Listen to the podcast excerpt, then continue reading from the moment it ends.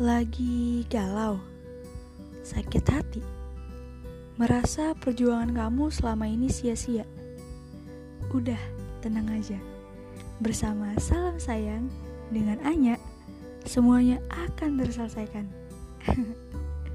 Di sini, aku akan memberikan hal kecil yang aku harap bisa membantu kamu untuk pindah dari kesedihan menuju pelangi yang indah, ditambah dengan tawa yang menghiasi wajahmu. So, welcome to my podcast. Salam sayang.